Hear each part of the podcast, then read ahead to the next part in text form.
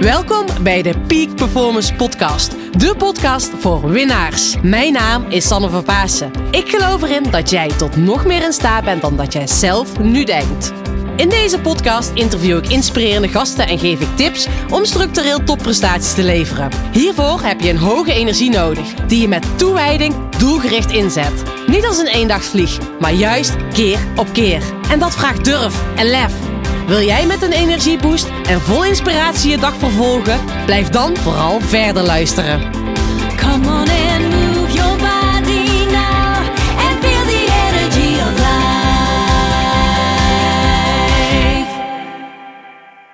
Tof dat je weer luistert naar de Peak Performance Podcast. En deze week heb ik een heel bijzondere aflevering op de planning staan. En heel bijzonder, waarom is dat nou? Soms heb je het dat je mensen ontmoet en zij vertellen dingen en dat je dan aan jezelf afvraagt: Hmm, wat bedoel je daarmee? Ja, leuk dat je dit nu zegt, maar ik snap hem nog niet of hij komt nog niet binnen. Nou, Misschien heb je dat wel eens meegemaakt. Nou, ik heb dat zeker meegemaakt. En dit vooral toen ik nog iets jonger was, eh, tijdens mijn sportcarrière. En toen ik nog mijn sportcarrière combineerde met mijn studie. En toen liep ik een soort van vast. Ik had een beetje vage klachten. Nou, daar heb ik al meer over verteld in vorige podcasts. Maar op een gegeven moment, ik denk anderhalf jaar geleden, toen had ik zoiets van. Nu snap ik wat mijn osteopaat destijds tegen mij vertelde. Ik ging altijd naar een osteopaat om. eh, hij hielp me eh, meer met de balans in mijn lichaam. Eh, die zorgde er ook voor dat mijn organen goed werkten. Ik heb altijd eh, mijn lever die niet goed functioneerde. Ik had last van mijn longen. Eh, mijn buik deed regelmatig zeer. En daarom ging ik dus naar die osteopaat. En hij zei toen een aantal dingen al vaker in de trend van... Sanne, waarom ben jij een commerciële opleiding aan het doen? Dat is niks voor jou. Jij mag met mensen werken. Nou, op die fiets maakt hij dus vaker die opmerkingen. En toen dacht ik echt zoiets van, ja, maar wat moet ik dan? Waarom zeg je dit?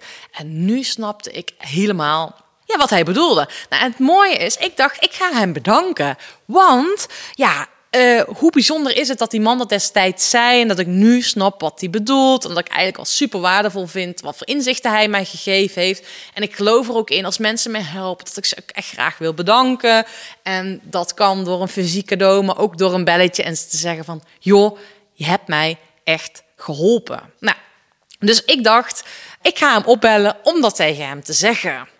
En ja, en toen plotseling... eh, ja, dacht ik, hoe heet die man ook alweer? Nou, ik wist het niet. Ik kon er niet bij komen. Ik wist ongeveer waar hij woonde. Maar dat is in Nijmegen. Ik woon in Vlierde. Nou, daar kom je niet zomaar.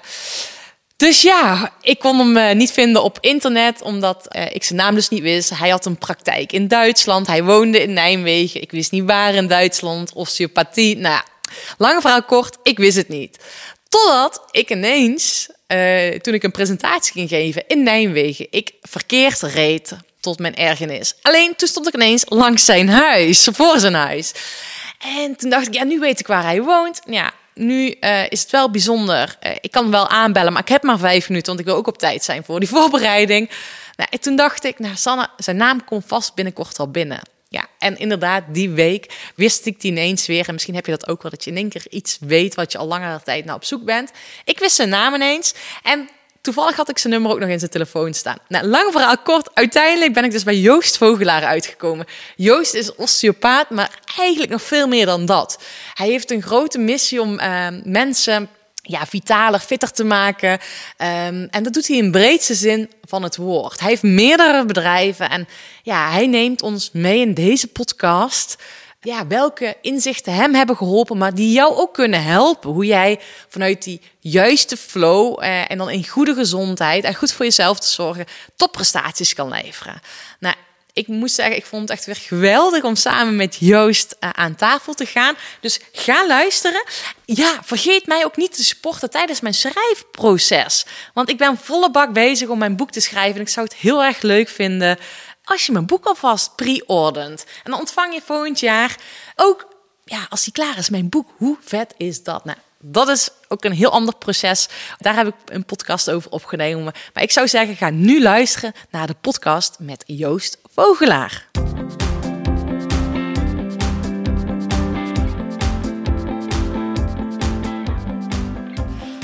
Nou, eh, lieve luisteraar, leuk dat je weer luistert. Vandaag zijn we in Duitsland. bij Joost Vogelaar. Nou, jullie hebben net al kunnen horen hoe ik Joost heb leren kennen. En ik vind het heel gaaf dat ik gewoon nu in Duitsland mag zijn. Dankjewel Joost. Je bent welkom en ik ben een, eh, het is voor mij een eer om eh, uitgenodigd te zijn door je. Gaaf. En Joost, waar ik eigenlijk heel vaak mee begin, is met de vraag: waar krijg jij nu het meeste energie van?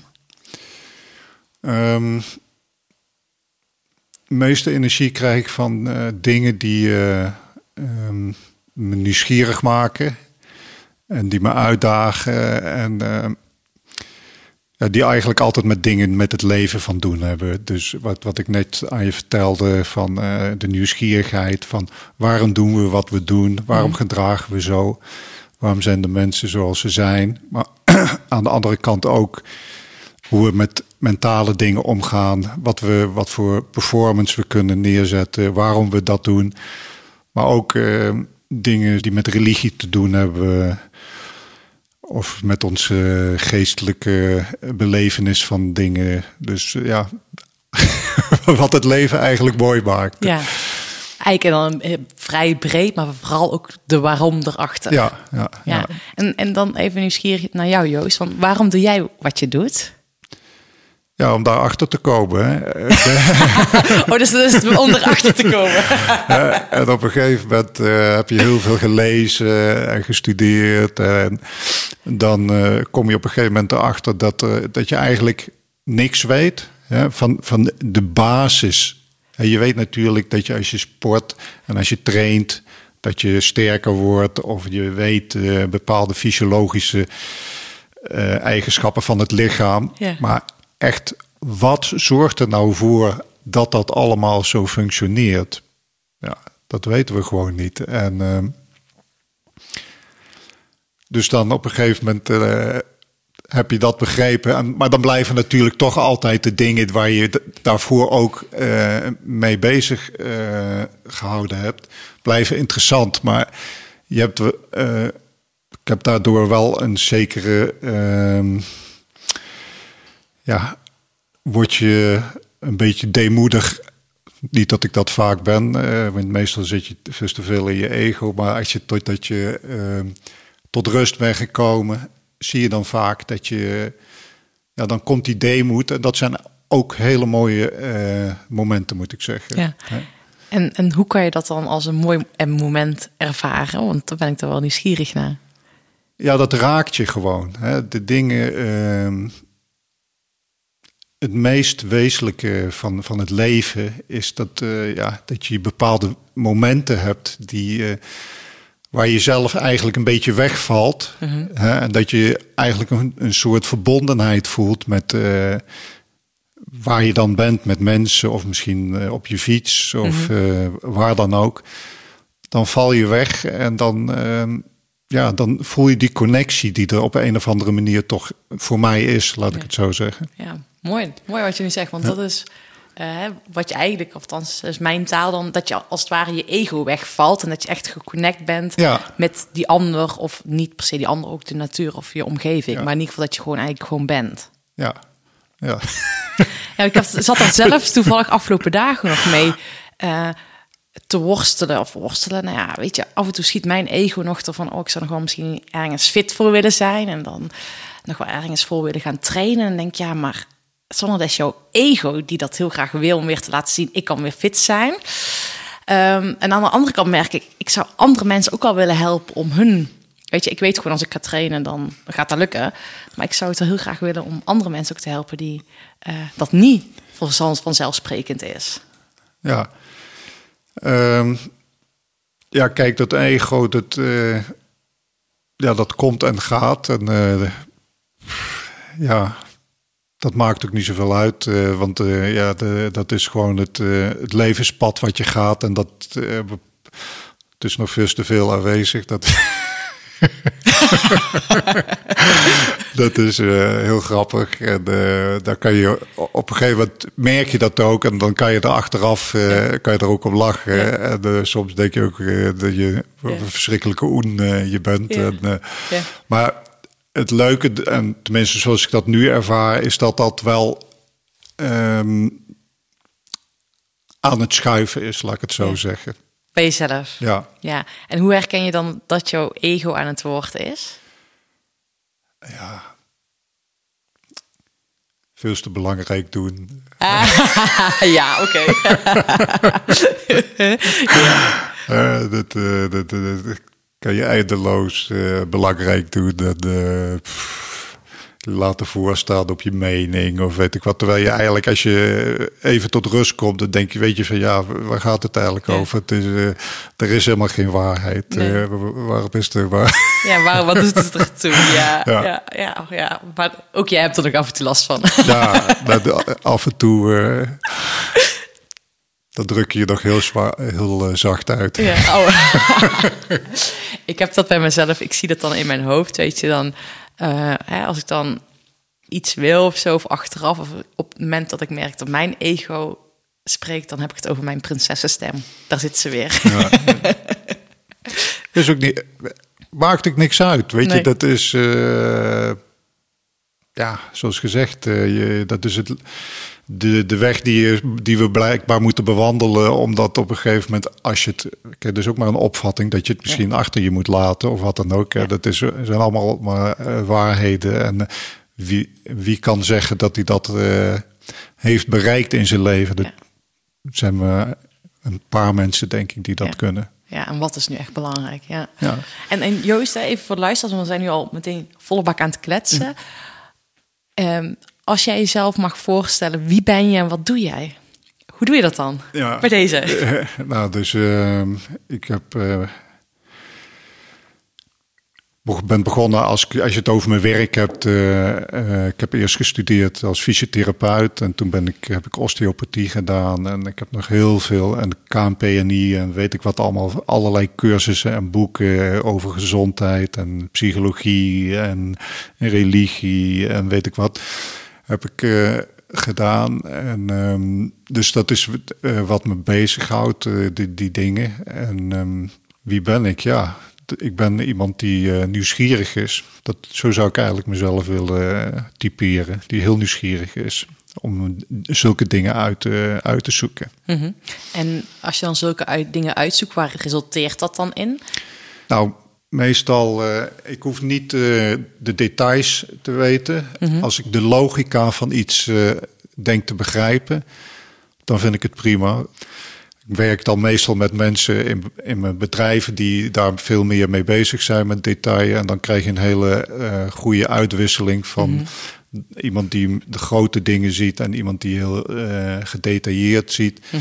En ehm, dus ik probeer dat altijd dan op een gegeven moment, of zeker de laatste jaren, in een, eh, een of andere bedrijfsvorm of samenwerkingsvorm eh, ehm, eh, te, te destilleren, om het zo maar te zeggen. Ja. ja. Dus jij gaat echt jouw kwaliteiten inzetten en je zoekt daar mensen bij die dus op detailniveau eh, Ja, hun expertise hebben. ja. En welke verschillende dingen ben je nu op dit moment, waar ben je allemaal mee bezig? Eh, dus ik heb mijn praktijk voor osteopathie, in, in, eh, nu in Meurs, vroeger ook in Nederland. Ehm, en ik heb een, eh, samen met een eh, vriend van mij, eh, Vincent van der Munkhoff, heb ik een filterbedrijf, waterfilter, om water schoon te krijgen. Wat Aqua True heet dat. En dat is water. Soms zeg ik, ik heb eigenlijk alles omgekeerd gedaan. Ehm, want ik ben met het lichaam begonnen en met de geest geëindigd. En, ehm, en ook met water geëindigd. Maar je moet eigenlijk met water beginnen. Want water is... Ja, en is- net zoals adem, ademhalen. Eh, eh, vier dagen geen water gedronken, je bent dood. 30 seconden of eh, drie minuten, of misschien sommige mensen tien minuten niet geademd en je bent dood. Dus daar zou je eigenlijk het eerst moeten gaan kijken naar gezondheid en naar prestatie leveren en denkvermogen. Want als die er niet zijn, dan wordt het al een heel moeilijk verhaal.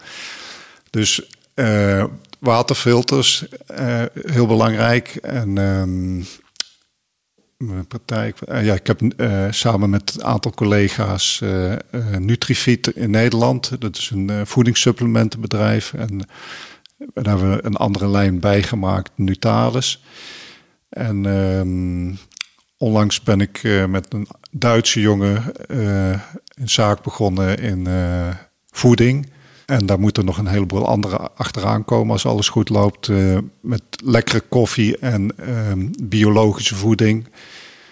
En eh, wat daar, we, en dat heet eh, Easy Living. In, in Muurs en Keulen is dat. En eh, de gedachte daar is om te kijken van ja, gezond eten. Het liefst, we streven daarna binnen afzienbare tijd dan alles biologisch en later nog eh, de meterkwaliteit eh, aan te bieden voor een redelijke prijs. Waarom? Eh, Het, is eigenlijk altijd op mijn pad gekomen. Op een gegeven moment ging ik dan water. Ja, water is wel belangrijk. Wat, zo- waarom is dat zo belangrijk? Ja, dan moet ik dat. Dan, dan moet ik, ga ik dat allemaal uitzoeken. Ja. En dan denk ik van ja, Ja. toen ben ik eh, op zoek gegaan naar een goede machine. En toen had ik een machine en toen wilden alle anderen dat ook hebben. En zo komt dan weer een bedrijf. En, Ja. en met voeding denk je vaak als je onderweg bent... jeetje, kun je hier ergens echt iets lekkers en goeds eten. En al die zooi die ons aangeboden wordt. En eh, goed voor mijn lichaam, maar ook goed voor... Dat is natuurlijk ook, ik moet eigenlijk goed, omgekeerd zeggen... goed op een natuurlijke manier geteeld of... eh, Ja. is ook goed voor mij natuurlijk. Ja. en eh, goed voor het dier als je vlees eet of groente en fruit en bla bla bla. Dat is allemaal zo slecht eh, en zo devastating voor onze aarde en voor ons. Dat ik, ja, waarom wordt dat niet op een grotere schaal aangeboden en op een, op een ja, manier waarvan ik hoop dat we dat nu met Easy Living gaan doen? Ja, oh mooi. En jij zegt het al, je bent eigenlijk eerst met lichaam begonnen, eerst bij osteopathie en vervolgens ook helemaal die voedingshoek ingegaan. Ehm, waarom of hoe ben je erachter gekomen dat voeding en misschien wel hè, voor je persoonlijke verhaal, wat voeding zo'n mega impact heeft op je kwaliteit van je leven, op je topprestaties die je levert? Ik probeer altijd logisch te denken. Het lukt niet altijd, maar Probeer, ja. Doen we allemaal, proberen we dat, hè? We begrijpen allemaal, als je slechte bakstenen he- hebt, dan bouw je ook een slecht huis. Ja. Maar op een gegeven moment, mensen zijn heel wonderlijk, want we willen blijkbaar niet weten dat slechte voeding ook voor je- ons slechte persoonlijke Ja. huis, je lichaam, eh, zorgt. Ja, Eh, en ik weet nog wel dat ik eh, eind jaren negentig, toen kwam dat biologisch een beetje op de voorgrond, maar nog heel kleine schaal. En ja, dus, dan kwam er altijd zo'n professor die dan zei van ja, we weten niet of pesticiden slecht zijn voor het lichaam. Ja, dat dacht ik van ja, dat bedoel ik dus logica. Als we dat niet weten, dan zijn we toch wel heel erg de, de weg kwijt. Hè? Als we daar onderzoeken voor moeten Ja. eh, eh, laten plaatsvinden, om dan gewoon niet automatisch te kunnen zeggen, ja, natuurlijk is dat slecht voor je lichaam. Ja, Punt. Eh, dus voor mij was toen was dat ja, logischer kan het niet. Hè? Dat kijk, ik zeg altijd, 100 jaar geleden aten we allemaal biologisch. Want er was, Was niks, niks anders. anders, ja. ja. Eh, dus ons lichaam is gewoon gemaakt voor normaal eten. En normaal eten is biologisch. Ja. En niet normaal eten, hè, dat wat wij tegenwoordig dan ons normale eten noemen. Dus, dus altijd een marketingtruc. hè, hè, is ehm, voeding vol met eh, pesticiden, eh, zware metalen, plastic, antibiotica, hormonen en weet ik wat voor rotzooi er allemaal in zit. Dat is natuurlijk devastating voor je body en ook daarmee voor je mind. Ja. En, en wat voor verschil heeft het voor jezelf gemaakt? Heb je gemerkt wat, eh, toen je dus bewuster met je voeding eh, ging en ook meer biologisch ging eten, dat het een verschil maakte voor je lijf? Ja, zeker. En ehm, op, een, eh, op verschillende manieren. Hè, dat je huid beter wordt, je slijmvlies, mentaal ook. Maar het, op een gegeven moment, als je dat een tijd, wat nog misschien nog veel treffender is, is ook eh, is gewoon dat je op een gegeven moment, als je dan het normale eten, wat dus abnormaal is, eh, eet, dat dat gewoon niet meer smaakt. Nee. Ja. Dat, dat het een hele rare smaak vaak heeft. En ook een, een, een, een, eh, ja, een artificiële smaak heeft. Hè, dus dus ehm, ja, dus je, je lichaam, als je- hoe meer je weer terugkeert naar bepaalde dingen, des te meer krijg je, krijgt, geeft je lichaam ook weer de waarschuwingssignalen.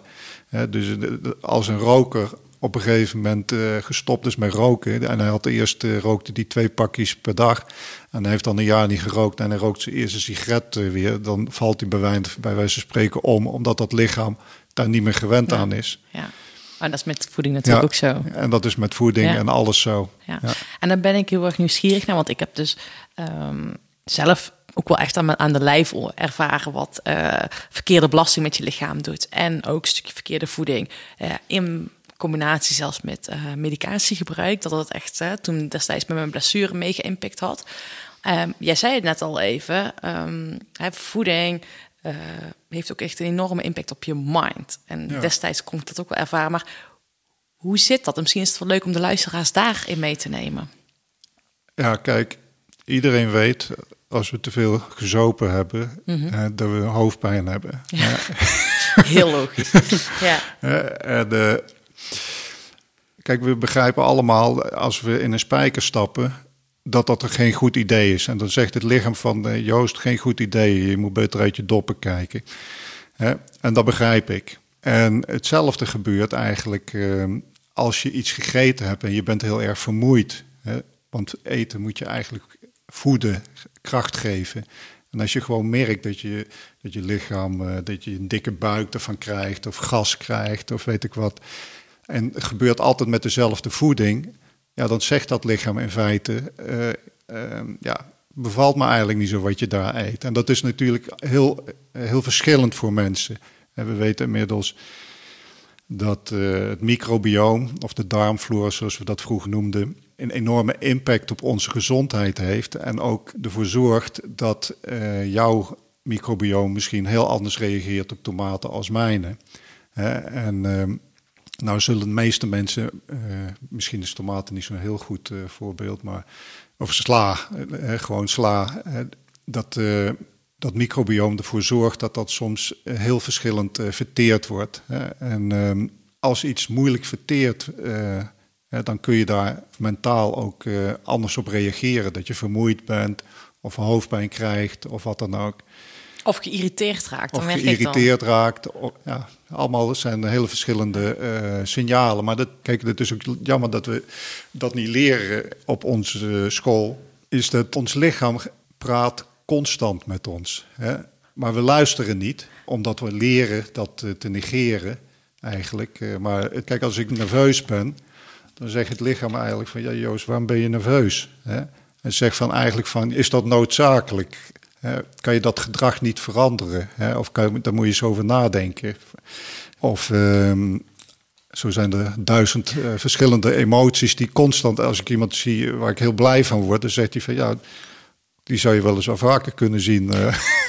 Ja, dat is inderdaad zo. Dus ja. dat lichaam communiceert constant. Maar we, omdat we dat. En dat is, dat is de beste coach die er is. En die is een, een leven lang bij je. 24 uur eh, per dag, 7 dagen in de week. Kost niks en niemand kent je beter. Ja, dat is, dat is wel heel mooi wat je nu zegt. Mm. Want dat is wel hè, wat ik altijd zeg. Je lichaam die vertelt wat je moet doen. Ja. Hè, die reageert ergens op. En dat is eh, ook de reden waarom ik destijds bij jou terecht kwam.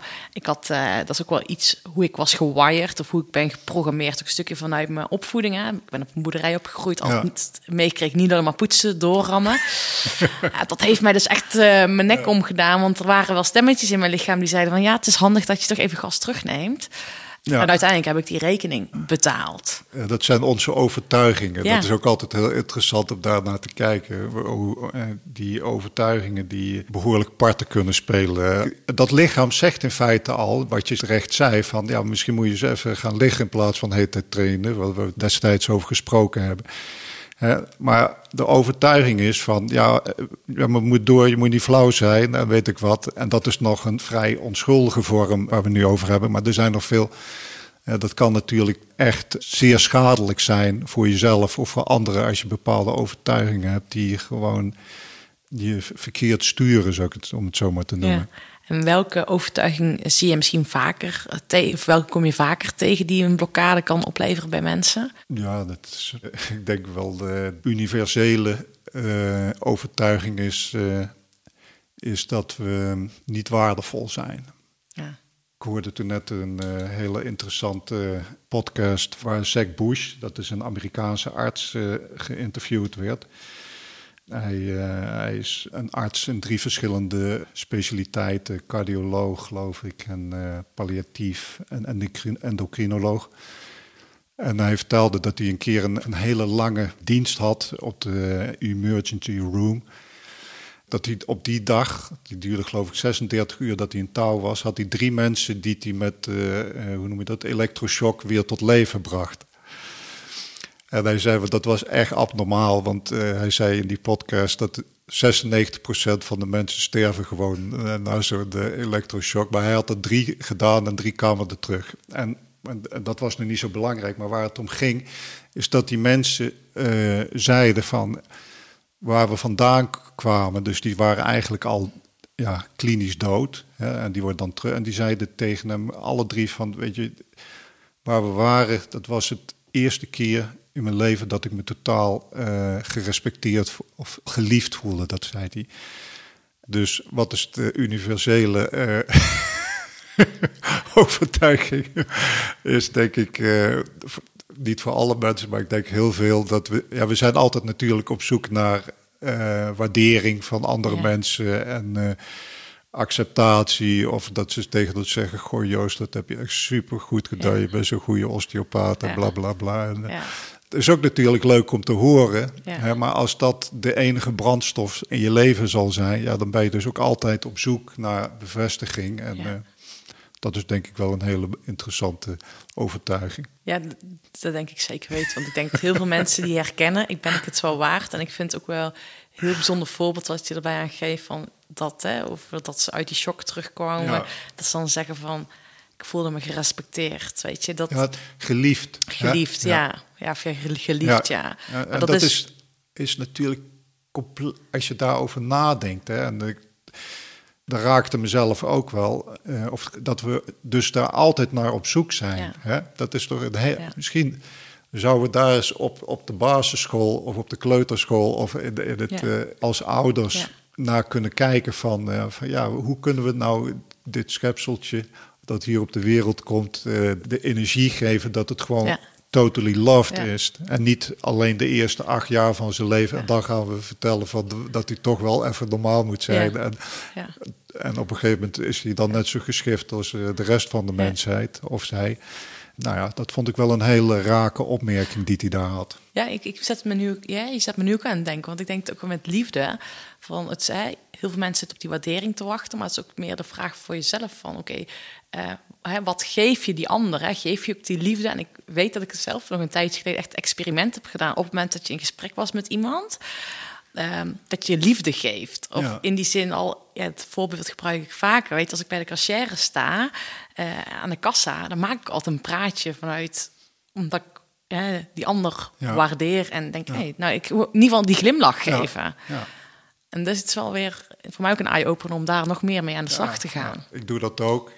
Maar ik vergeet het dus heel vaak, helaas. Maar mensen merken dat toch. Ja. Hè? Mensen merken dat eh, op een of andere manier. Eh, En want we, ik zeg altijd, het, het gesprek heeft eigenlijk al plaatsgevonden voordat we een woord gesproken hebben. Maar we zijn eh, zo niet met ons hart meer ge- ja, verbonden, maar met de mind. Eh, Dus dan op een gegeven moment vindt dan de shift plaats van nee, we gaan nu even verstandelijk met elkaar, Ja, praat, ja, met ja. elkaar praten. Ja. En eh, ja, zoals een gesprek dan plaatsvindt. eh. en ik vind dat wel heel mooi, want vaak hoeven er gewoon geen woorden plaats te vinden om elkaar begrepen te voelen. Ja. En, en op het moment dat je dus, ja, ik noem dat intunen, of die body-mind connectie beter is, Ja. dat je dat beter gaat voelen, dan voel je dat ook echt, dat je denkt, oké, weet je, het is gewoon, hè, het hoeft niks gezegd te worden of het is prima. Ja. Dat is voor mij wel een truc geweest trouwens hoor, maar dat weet je. Dat je, ja, dat je op een gegeven moment, eh, vanuit toen ik mijn, tijdens mijn sportcarrière, zat ik zoveel in mijn hoofd. Ehm, en dat kom je denk ik misschien ook wel mensen tegen die bij jou op de behandeltafel, dat mensen veel in hun hoofd zitten. Ja, absoluut. Kijk, en, en we weten allemaal hè, van de flow state, hè, zoals dat dan tegenwoordig heet, eh, de staat van eh, dat eigenlijk eh, dat de, de spits opeens tegen elke bal die hij voor zijn hoofd of tegen zijn lichaam, die vliegt in de goal. Of voor zakenmensen dat ze steeds de juiste beslissingen nemen. En die, die flow state, dat is eigenlijk niet meer nadenken. Hè? Ja. Of veel meer ja. intuïtief. Ja. Want eh, op het moment dat je gaat nadenken hoe, hoe ik een goal moet gaan maken, dan wordt het een, eh, een moeilijk eh, verhaal. Ja, dan zit je niet meer in het hier en nu Nee, bezig. Ja. nee, dan, ik geloof niet dat Messi of andere topsporters daarover nadenken. Nee. Ja, dus Waarschijnlijk. het is heel belangrijk om dat te hebben. Jij- Even een, een, een van mijn sporters die ik begeleid, eh, die heeft afgelopen weekend Macau gewonnen. En ik vond het wel heel tof. Ik had hem gisteren aan de telefoon en hij zei: Weet je, Sanne, was zo bijzonder. Niemand had dat verwacht. Ik zei, nou, ik zei, ik had dat wel verwacht, want ik zag het wel aankomen. Hij zei: Ja, ik eigenlijk ook wel. Want 's ochtends heb ik een filmpje eh, opgenomen. Die heb ik naar mijn vrienden gestuurd. En toen eh, zei ik met een lach: ja, vandaag gaat het gebeuren, ik ben er klaar voor. En eh, met die derde plek neem ik geen genoegen. Ja. En hij zei, ik wist gewoon dat het vandaag gewoon was tijd was om een keer te laten zien. En ik, hij vertelde het en toen herkende ik dat bij mezelf ook. Dat ik vroeger wel gewoon, ook 's ochtends al wist, vandaag ga ik winnen. Ja. En dat zei ik dan tegen mijn ouders, vandaag moet je kijken. En in mijn hoofd dacht ik, want ik win vandaag. En dat is op een of andere manier dat je alles voelt. eh, dat je gewoon, alsof, alsof het al is gebeurd. Je hoeft alleen nog maar even te gaan doen, zeg maar. Dat, is, dat vind ik zo bijzonder. Maar ik ben even nieuwsgierig, want als je het over die mens, hè, mensen eh, tegenkomt... waarbij je dus merkt van, oké, het zit te veel in mijn hoofd. Dat was ik destijds ook. Wat zijn er dingen die je hen mee kan geven, concreet, om mee in beweging te komen? Ja, kijk, het, het begint altijd heel basaal, hè? Dat je, eh, dat je gaat voelen. Eigenlijk, we, we spreken tegenwoordig natuurlijk heel veel over awareness en mindfulness en weet ik wat allemaal. Ja, maar dat is dus, of meditatie, maar Ja. wat is dat allemaal? Dat is gewoon voelen wat er in je afspeelt. Ja, hè? zijn, ja. En als jij voelt dat je je heel lekker voelt, hè, dan zegt dat lichaam van nou, eh, volgens mij eh, is die mindset, of die, misschien is er helemaal geen mindset. In ieder geval, hij zegt van dat, dat, ga zo maar door, dat, dat klopt eh, helemaal. Terwijl als je zenuwen door je keel gieren, hè, dan zegt dat lichaam misschien van nou, misschien een beetje minder. eh, een beetje nervositeit is natuurlijk eh, misschien wel goed om een topsport eh, topprestatie neer te zetten. Maar de, de balans daarin, daarom, het is altijd normaal gesproken gerelateerd aan een prettig gevoel. Een prettige opwinding Ja. hè, of een hele negatieve opwinding. Dat is Ja. natuurlijk een totaal ander Ja. signaal van je lichaam. Dat is gewoon het A en O van, ja, ja, van- de sport, maar van het leven in Ja, feite. ga voelen. Ja. Ja. Ik vind het wel grappig, want als ooit dan mensen, eh, die spreekt dan, dan zeg ik ook, ga eens voelen of hè, ga eens kijken wat rust met je doet. En dan zegt ze, ja, maar ik voel me helemaal in één keer, het is helemaal niet fijn. Ik zeg, ja, daar ben ik heel blij mee dat je dat voelt. Ja, ja. ik zeg, want je voelt wat er gebeurt. Maar dan gaan ze heel vaak oordelen dat het niet goed is. Ja, ja maar dat is natuurlijk, hè, we, waar we het eh, toen net al over hadden, dat we eigenlijk helemaal geen connectie meer met onszelf hebben. Hè. Waar dat vandaan komt, dat komt, dan komen we weer terug op het andere. De, op overtuigingen dat we niet worthy zijn, niet waardevol Ja. zijn of niet, niet goed genoeg Ja. zijn. Hè. En dan, eh, Ja. om dan nog een leuk leven te hebben, moet je weer heel veel compensatie, heel extreem zijn. eh, dat je je goed voelt. Ja, dan ben je echt aan het compenseren. Ja. En, en als je dat dan te veel doet, wat zou er dan kunnen gebeuren? Nou, eh, uit eigen ervaring eh, weet ik dat er gebeuren er ongelukken of ehm, ja, blessures of eh, ja, je, denkt, je doet dingen waar je spijt van hebt of wat dan ook. Dat is, want dat is niet altijd natuurlijk. hè. Gelukkig is de lieve Heer houdt hij ook oft of vaak een, zijn hand boven ons hoofd en zegt hij van nou, het is toch wel een lieve jongen. Je hoeft het niet zo hard te voelen. Ik knijp er maar een keer een oogje dicht. ja, ja. Eh, maar in feite zijn dat eh, natuurlijk altijd momenten dat je niet, je gewoon niet goed voelt. Of dat het gevolg meestal ook niet optimaal is, om het zo maar te zeggen. Ja. Er zullen wel uitzonderingen zijn, maar er zijn natuurlijk ook momenten geweest dat het dan toch nog wel net goed ging. Het is eh, een dun draadje, denk ik. Een dun draadje. Ja. Ja, ik herken dat bij mezelf ook wel. Dat je dan eigenlijk merkt achteraf, oh ja, weet je, er was al. ik heb al ergens iets gevoeld gehad dat ik misschien rechtsaf had moeten gaan, maar ik ben toch stug rechtdoor blijven rijden. en dan kwam er in één keer rechtdoor echt een heel groot gat waar ik in ben gedonderd. Ja, en dat is subconscious, hè, dat eh, onderbewustzijn, hè, dat eh, eigenlijk constant ons ook waarschuwt. eh, hè, en dus je ziet bij dieren dat die dat nog daar veel meer op reageren. Ja. En met tsunamis en andere Ja. rampen, dat die dieren al allemaal weg zijn. Ja. Alleen de mensen liggen nog op een strand. Ja. eh, Te rusten, ja. ja. totaal niet connected met het gevoel wat ze, ze voelen zich eh, misschien niet zo lekker. Dan weet je wat, ik gooi er maar even een biertje naar binnen of ik steek er een Ja, ze sigaretje op. compenseren. Ja, ja. Ik ben daar bij mezelf nu mee bezig, een beetje. Van wat je nu zegt, ehm, besef ik me... Ik, ik kan heel goed onderscheiden ehm, als mijn lichaam, zeg maar, totaal rood aangeeft. Hè? Dus eh, dat je echt zoiets hebt van, ik ben vermoeid... of ehm, eh, iets voelt niet goed... of afspraken of keuzes eh, anders doen. Maar ik heb ook wel eens dat mijn gevoel oranje aangeeft. Of misschien weet je wel, eh, ja, eigenlijk vooral oranje. En dan dat je eigenlijk voelt van ja, het is niet handig dat. Maar dat, dan in je, dat je dan een conversatie met jezelf gaat afspreken.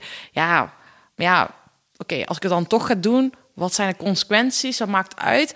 En dat er ergens een stemmetje is. Oké, ja, waarom eigenlijk? En dat je het toch doet. Ja. En omdat het niet zo van groot belang is. En daar ben ik nog een beetje aan het onderzoeken van... oké, hè, er is wel iets. Ja, ik denk dat er zeker iets is. En eh, nou laat ik voor mezelf eh, spreken.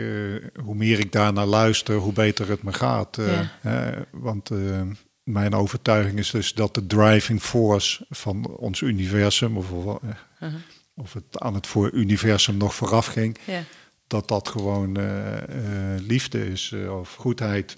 Want dat, dat zie je in alles in feite, zolang eh, wij ons er niet mee bemoeien ja, met onze meningen en weet ik wat allemaal en onze dogma's en regels en weet ik wat allemaal.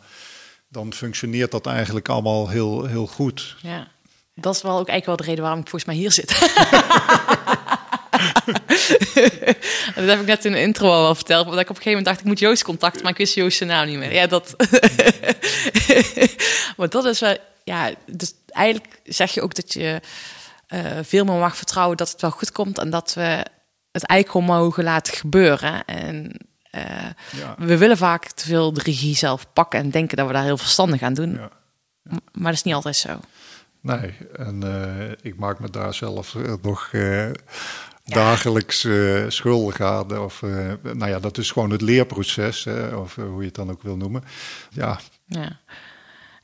Daar ben ik nog even nieuwsgierig naar, hè, nou, Joost. Want je zei net dus ehm, op, op het allerbeginst toen we dit gesprek begonnen van hè, dat het jou integreert van waarom doen mensen wat ze doen. En ik ben eigenlijk ook wel heel erg nieuwsgierig naar van waarom doen mensen niet datgene wat ze eigenlijk willen doen. ja, angst denk ik. Angst. Angst, ja. En angst dan ook met, hè, ben ik het wel waard? Ook die Ja, angst. Kan ik het eh, of eh, kan ik het wel of ehm, Wat zullen andere mensen wel niet denken? ja oh, en eh, ik, ik zit hier toch goed ja. dit, eh, dit, dit, baantje is toch leuk eh, Mhm. en ehm, ja we leven natuurlijk ook in deze tijd in heel veel schijnzekerheid Mhm. en, en, en die schijnzekerheid met onze telefoons onze verzekeringen en weet ik wat, wat we allemaal verzinnen. Om eh, alles te kunnen controleren en weet ik wat. eh. Maar die schijnzekerheid zorgt natuurlijk van eh, ja, dat we ook bijna niks beleven. Hè, omdat we niet durven te leven. Het is allemaal gevaarlijk. En krijg je wel een nieuwe baan?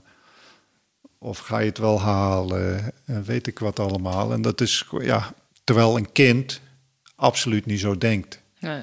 Nee. En ehm, nee, dat is mooi. Ja. ja. Ja, Ik heb het gevoel dat dat de laatste 30 jaar of nog een enorm meer geworden is. Die, die, die zekerheid waar we maar mee bezig zijn. Eh, Ik zeg, ik zeg vaak tegen vrienden van ja, waarschijnlijk 200 jaar geleden, als ze toen gezegd hadden van eh, we hebben nog eh 30 gulden, wat misschien een enorm bedrag in die tijd was. Ja, dat is nog goed voor de komende twee maanden. Jeetje, gaat het ons goed? hè? En, en En nu? nu zijn ze met 20 al bezig met, een, eh, met, eh, ja, eh, met de zekerheid van het pensioen. Ja. Eh, geen pensioenbreuk of weet Ja. ik wat. eh. ja, weet je, het groei gaat altijd samen met eh, pijn of weerstand. Hè? Eh, en we mogen ook geen pijn meer hebben. Hè? Ja, wat grappig. Ik heb vanochtend een bericht zitten schrijven. Daar heb ik over pijn geschreven.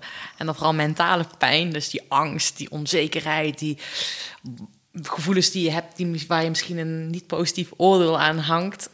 Ik wil het, hè, heb ik over geschreven? Van pijn is juist die groei naar Ja. volgende niveau. Hè? Ja. Weet je, je bent al met je persoonlijke ontwikkeling bezig en omarm die. En als je die niet meer voelt, weet je, die heb je juist nodig om te ontwikkelen. Ja, zeker. Als die spijker maar diep genoeg in mijn voet zit, ja, dan besluit ik toch eh, een andere weg te nemen. Ja, ja, hoe ver moet die erin geramd worden? Wil je uiteindelijk? Eh, ja. Of, ja, Ja. ook met, eh, met allerlei andere dingen. De- je krijgt constant een feedback. Het leven is gewoon feedback en daar reageer je mee. Ja, ja. ja, dat is mooi. En dat is wat je aan jou wat je daarmee doet. Ja. Ja. En Joost, ik ben eigenlijk heel erg nieuwsgierig. Ik zeg altijd, ik help mensen zakelijk winnen zonder te verliezen. Ehm, wat is in jouw ogen essentieel om uiteindelijk hè, op jouw manier te winnen? Ik doe aanhalingstekens te maken, want winnen betekent in mijn ogen niet per se de beste te zijn. Maar eigenlijk gewoon als je datgene doet wat je het liefste wilt doen. En wat is in jouw ogen daarin essentieel om dat te doen? Wat is een topprestatie? In mijn ogen, wat je echt Ja. gewoon je, eigenlijk je hart volgen. Dat is eigenlijk, dan win je in mijn ogen. Ja, nou ja, de topprestatie is voor mij eh, vallen en opstaan. Vallen en opstaan, leren. Ja. Het gaat erom dat je voor mij een, een uitdaging zoekt.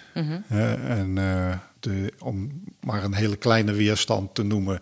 Als je het niet begrijpt, dan is dat weerstand. Dan moet je je meer met de zaak eh, uiteenzetten. Proberen het beter te begrijpen. Of meer informatie eh, van buiten binnen je bereik te brengen. En op een gegeven moment begrijp je dan, dan valt de weerstand weg. En dan, dat is groei. En dat heb je in elk niveau natuurlijk. je kan je been breken of, eh, of heel hard trainen en heel vermoeid zijn. Dus dat is op allerlei eh, niveaus soort eh, weerstand voor groei. Mhm. Weerstand is groei, ja. Mooi. Weerstand is groei. Dus die weerstand opzoeken. Ja, ja je kan het ook overdrijven. Dat was ik ook een meester in, maar... Ja? Ik probeer dat. eh, kijk, er is een verschil tussen weerstand en weerstand. hè. Dus je kan eh, iemand eh, beledigen. Mhm. En dan zoek je weerstand. Ik denk niet dat dat de manier is. Nee. Nee, maar dus op een... niet van die overbelasting, maar juist gewoon het, het, het randje opzoeken, zeg Ja. maar, waardoor je jezelf stretcht, als het ware. Ja. Weerstand binnen jezelf. Ja. hè.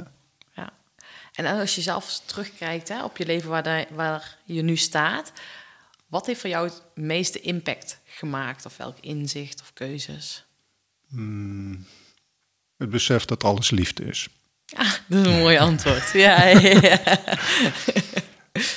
En waarom? Omdat je dan begrijpt dat het uiteindelijk komt alles goed. En dat is misschien voor sommige mensen heel moeilijk te begrijpen. Kijk, ik zit hier eh, aan een mooie houten tafel en dat ik niet begrijp waarom het gebeurt. hè. Dus dat ligt in elkaars verlengde voor mij.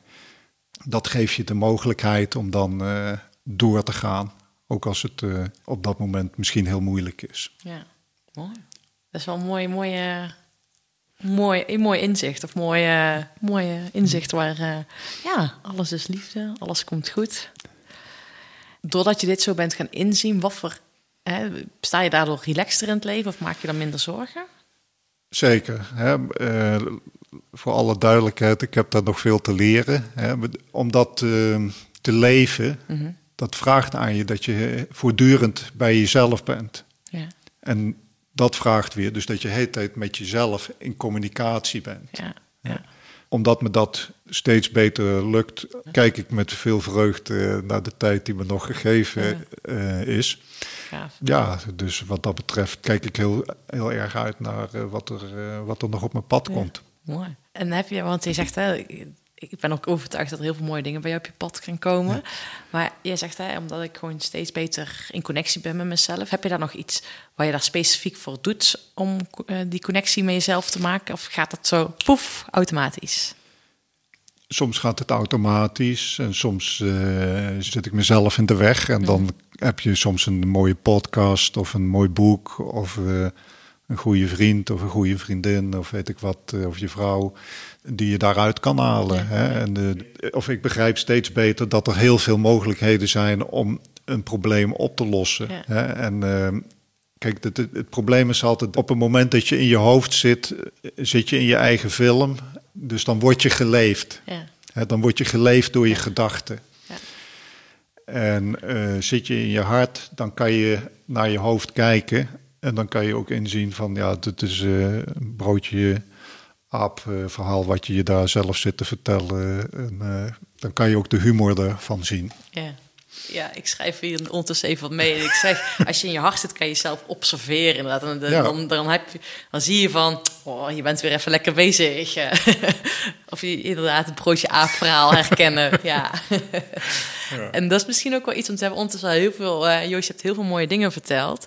Eh, dat is misschien wel iets waar we mee kunnen afsluiten. Het stukje van ga voor de luisteraars om ze mee te geven. Ga eens voelen van, eh, van zit ik in mijn hart en in mijn hoofd? En ga eens kijken van oké, kan ik meer die observator zijn? Of, eh, De beste coach spreekt vanuit je hart constant met je emoties. Of misschien, oh, emoties misschien niet het goede woord, maar spreek constant met je. Ja. Want je bent niet je emoties eigenlijk. Hè. Dat hart, dat spreekt constant met je. Ja. De lieve Heer heeft het ons makkelijk gemaakt. Of heeft het mij in ieder geval gemakkelijk. Hè, Die zegt van, als je je goed voelt, ga zo door. Voel je je slecht, misschien moet je het anders bekijken. Of het gedrag of wat je aan het doen bent veranderen. En als je daar constant mee in communicatie bent, ja, dan Ja. wordt het eenvoudig. Ja, ik vind wat je nu zegt, daar haak ik nog even op in. Van, eh, wat ik ochtends doe, ik schrijf en ik zet mijn pen op papier en stel ooit vragen aan mezelf Ja. waar ik antwoord op wil. En dan komt er van alles zo uit. Denk, en dan ben ik het aan het teruglezen en denk ik, wow, wat een antwoord. maar dat schrijf ik echt vanuit mijn hart, weet je. Dat ik gewoon mijn eigen mezelf die antwoorden geef. Inderdaad, en ik denk dat schrijven ook heel goed is, want dat eh, nood, geeft je de noodzaak om er echt over na te denken. Ja. Want als je in je gedachten, ja, dan kan het nog allemaal een beetje Ja, fluffy zijn, maar als je het echt in je op moet schrijven, dan moet je het ja, echt verwoorden en begrijpelijk voor jezelf maken wat je eigenlijk. eh, eh, dus ik doe dat zelf ook. Ik schrijf eh, regelmatig zelf ook in een boekje of wat dan ook, wat, wat me bezighoudt of wat ik beleef of wat er in me omgaat. Ja. Mooi, volgens mij hebben we mooie dingen over gesproken. Heb jij nog iets, Joost, waar je denkt, oh Sanne, dit is nog mooi om te delen? Ik denk dat het een goed verhaal was. dat, we, dat we het met z'n tweeën een mooi verhaal van gemaakt hebben. Ja, dankjewel Joost. Ik dank je ook. Super, super dat ik hier mag zijn. Mooie plek. Mooi het zonnetje. Dank je. Super bedankt voor het luisteren naar deze podcastaflevering. Ik wil je eigenlijk nog twee dingen vragen waar je mij mee kan helpen. Zou jij soms een foto willen maken en deze podcast delen op social en mij eventjes taggen? Want ik zou het enorm leuk vinden dat nog meer mensen van de Peak Performance podcast horen, zodat zij ook weer geïnspireerd raken en dat zij met deze mooie inzichten van de gasten die ik interview en de learnings die ik deel in actie komen. Dus maak even een foto en tag me op social media. En daarnaast een andere vraag zou je mij ook enorm helpen als jij voor mij een korte review schrijft op iTunes. Dus ga even naar iTunes, laat er even een 5 sterren rating achter, want dit helpt mij weer enorm om ook weer andere mensen te bereiken voor deze podcast. Nou, dankjewel voor het luisteren en weet dat iedere maandag hier een tof interview klaar staat en op vrijdag dat ik mijn learnings met jullie zal delen. Nou, dankjewel en een fijne dag. Doei doei!